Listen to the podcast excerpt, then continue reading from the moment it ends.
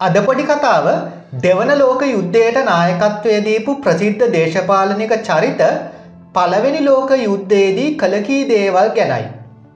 Winston Churchill Winston Churchill කියන්නේ දෙවන ලෝක යුද්ධ කාලේ බ්‍රිතාන්‍ය අග්‍රාමාත්‍යවරයා. වින්ස්ටන් චර්චිල් පළවන ලෝක යුද්ධ කාලයේ බ්‍රිතාන්‍ය නාවික බල මූලස්ථානයේ ඉහළ තනතුරක් හොබෝපු කෙනෙක්. බ්‍රිතාන්‍ය නාවික බල මූලස්ථානය කියල කියන්නේ බ්‍රිතාන්‍යය රාජකීය නාවික හමුදාව මෙහෙයවපු ස්ථානයට. ඉතින් මෙතනදි වින්ස්ටන් චර්චිල් සැලසුම් කරන ගලීපොලී සටන මුළුමනින්ම අසාර්ථක වෙනවා. ඉතින් මේ සටන අසාර්ථක වීමත් එක්ක ජීවිතහානි විශාල සංඛ්‍යාවක් වෙනවා අලාභහානි විශාල සංඛ්‍යාවක් වෙනවා මේ හැම චෝදනාවක්ම වින්ස්ටන් චර්චිල්ට එල්ල වෙනවා. ඉතින් විස්ටන් චර්චිල් එතනින් සමුගන්නවා. ඊට පස්සේ වින්ස්ටන් චර්චිල් බ්‍රිතාන්‍යයේ රාජකීය යුද්ධ හමුදාවට එකතු වෙනවා. ඊට පස්සේ එයා කෙලින්ම යන්නේ පළවෙනි ලෝක යුද්ධේ බටහිර පෙරමුණට නැත්නම් වෙස්ටර්න් ෆ්‍රන්ට් එකට. ඉතින් වසරකට පස්සේ වෙස්ටර්න් ෆ්‍රන්ට් එකට ලුතිනන් කර්නල් කෙනෙක් විදියට යන වින්ස්ටන් චර්චිල් පළවෙනි ලෝක යුද්ධය ඉවර වෙනවත් එක්කම මේජර්වරයෙක් විදියට උසස්වීම් ලබනවා. ඇඩොල් ෆිට්ලර් අපි දන්නව දෙවන ලෝක යුද්ධ ආරම්භ කළේ ඇඩොල් ෆිට්ලර් ජර්මණිය පාලකයා. ඇඩොල් ෆිට්ලර් පළවෙනි ලෝක යුද්ධේ ජර්මණයේ භාවේරියන් රජිමේන්තුවේ සාමාන්‍ය සෙබලෙක්. මෙයා සාමාන්‍ය සෙබලෙක් විදියට බොහෝ කාලයක් ඉදලා ඊට පස්සේ ඒ රජිමේන්තුවේම මෙසෙන්ජ කෙනෙක් නැත්නම් පනිවිඩකරුවෙක් විදියටත් සේවය කරනවා. ඉතින් විශාල යුද ගැටුම් බෝම්බ පිපිරීම් මැද්ද මෙයා පනිවිඩ අරගෙන හයට මෙහාට දුවනවා. ඉතින් ඒ අස්සේ එයාට ගොඩක් අනතුරුවලට මුහුණ දෙන්න වෙනවා විශාල විදියට තුවාල සිද්ධ වෙනවා මේ කාලයේදී එයාගේ තියෙන විශේෂ කතාවක් තමයි එයා බ්‍රිතාන්‍ය ජාතික සෙබලෙක්ට මුහුණට මුහුණ හමුවීම.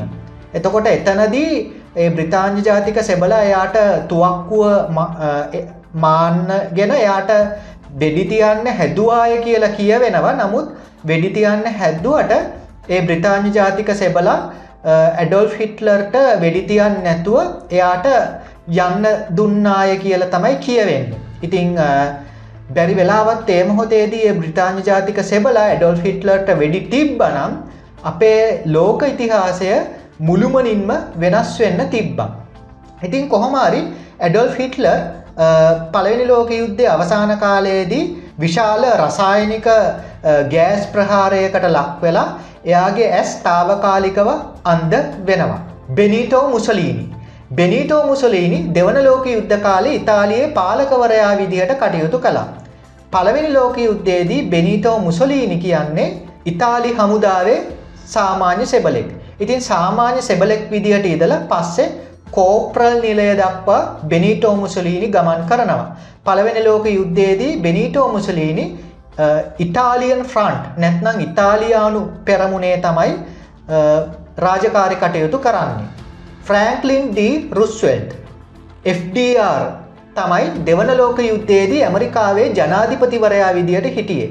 ඉතින් දෙවන ලෝක යුද්ධය ජයග්‍රාහණය කරන්න FDR ජනාධිපතිවරයා විශාල කාර්යභාරයක් කරනවා. හැබැයි දෙවනි ලෝක යුද්ධය ජයග්‍රාහණය පෙනි පෙනී තියෙද්දි FDR ජනාධිපතිවරයා ජීවිතයෙන් සමුගන්නවා.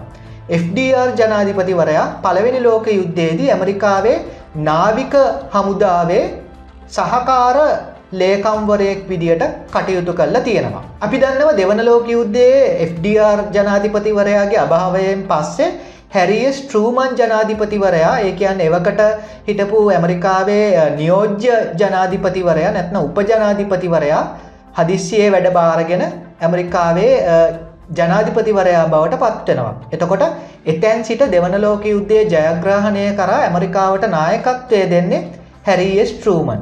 හැරිය ස්ට්‍රූමන් පළවෙනි ලෝක යුද්ධය කාලේ ඇමරිකානු හමුදාවේ කාලතුවක්කු බලකායේ කැප්ටන්වරයෙක් විදිහට සේවය කරලා තියෙනවා. ඊළඟට හිරෝහිතෝ අධිරාජ්‍යයක්. දෙවන ලෝක යුද්ධය කාලේ ජපානයට නායකත්වය දුන්න ජපන් හමුදාව මෙහෙව්වේ හිරෝහිතෝ අධිරාජ්‍යයක්. හිරෝහිතෝ අධිරාජ්‍යයා පළවෙනි ලෝක යුද්ධය කාලේ හමුදාමය මෙහෙයුම්වලට සම්බන්ධ වනාය කියලා එහෙම සඳහනක් නෑ. හැබැයි හිරෝහිත අධිරාජ්‍ය පළවෙනි ලෝක යුද්ධය කාලේ හිරෝහිතෝ කුමාරය විදියට තමයි හිටිය. එතකොට අපි දන්නවා පළවෙනි ලෝක යුද්ධය කාලෙත් ජපානය පළවෙනි ලෝක යුද්ධයට හවුල් වෙනවා ඉතිං සමහර විට අපිට හිතන්න පුළුවන් හිරෝහිතෝ කුමාරයා පළවෙනි ලෝක යුද්ධය කාලේ ජපන් අධිරාජ්‍යයාගේ යටතේ ඒ වෙන දේවල් ඇස් දෙකෙන් දකින්න කන් දෙකෙන් අහන්න ඇති කියලා. අන්තිමට ජෝසෆ් ස්ටාලින්. ජෝසෆ් ස්ටාලින් තමයි දෙවන ලෝක යුද්ධේ රුසියානු හමුදාවට නායකත්වය දුන්නේ. එතකොට ජෝසෆ් ස්ටාලින් කියන්නේ පළවෙනි ලෝක යුද්ධය කාලේ යුද හමුදා සේවය හිටපු කෙනෙක් නෙමේ. පළවෙනි ලෝක යුද්ධය අවසාන භාගය වෙනකොට රුසියාවේ විප්ලවය ආරම්භ වෙනවා. රතු ඔක්තෝබරය. එතකොට එතනදි ජෝසෆ් ස්ටාලින් ලෙනින් එක් එකතු වෙලා ඒ කාලේ රුසියාවේ පාලකය වුණු සාර් අධිරාජ්‍යාව වටලලා එයාව යටත් කරගන්නවා සිවිල් යුද්ධයක් ඇති කල්ලා සිවිල් හමුදා ගොඩනගල සිවිල් හමුදා කණ්ඩායම් එක සටන් වෙදිලා. ඉතිං චාර අධිරාජ්‍යයා යටත්වීමත් එක්ක එයා පසුව ඝාතනය කරනවා නමුත් ඒ යටත්වීමත් එක්ක පළවෙනි ලෝක යුද්ධයේදී රුසියානු සියලුම රුසියානු හමුදා පළවෙනි ලෝක යුද්ධේ ජර්මනිය සමඟ ඒ කරන සටනෙන් ඉවත් වෙනවා. ඉතින් නො නෝක තමයි අද පොඩි කතාව ඊළඟට අපි තව පොඩි කතාවක් අරගෙන එනවා දෙවන ලෝක යුද්ධයේ හමුදා නායකයින් පළවෙනි ලෝක යුද්ධයේදී කළකී දේවල් ගැන.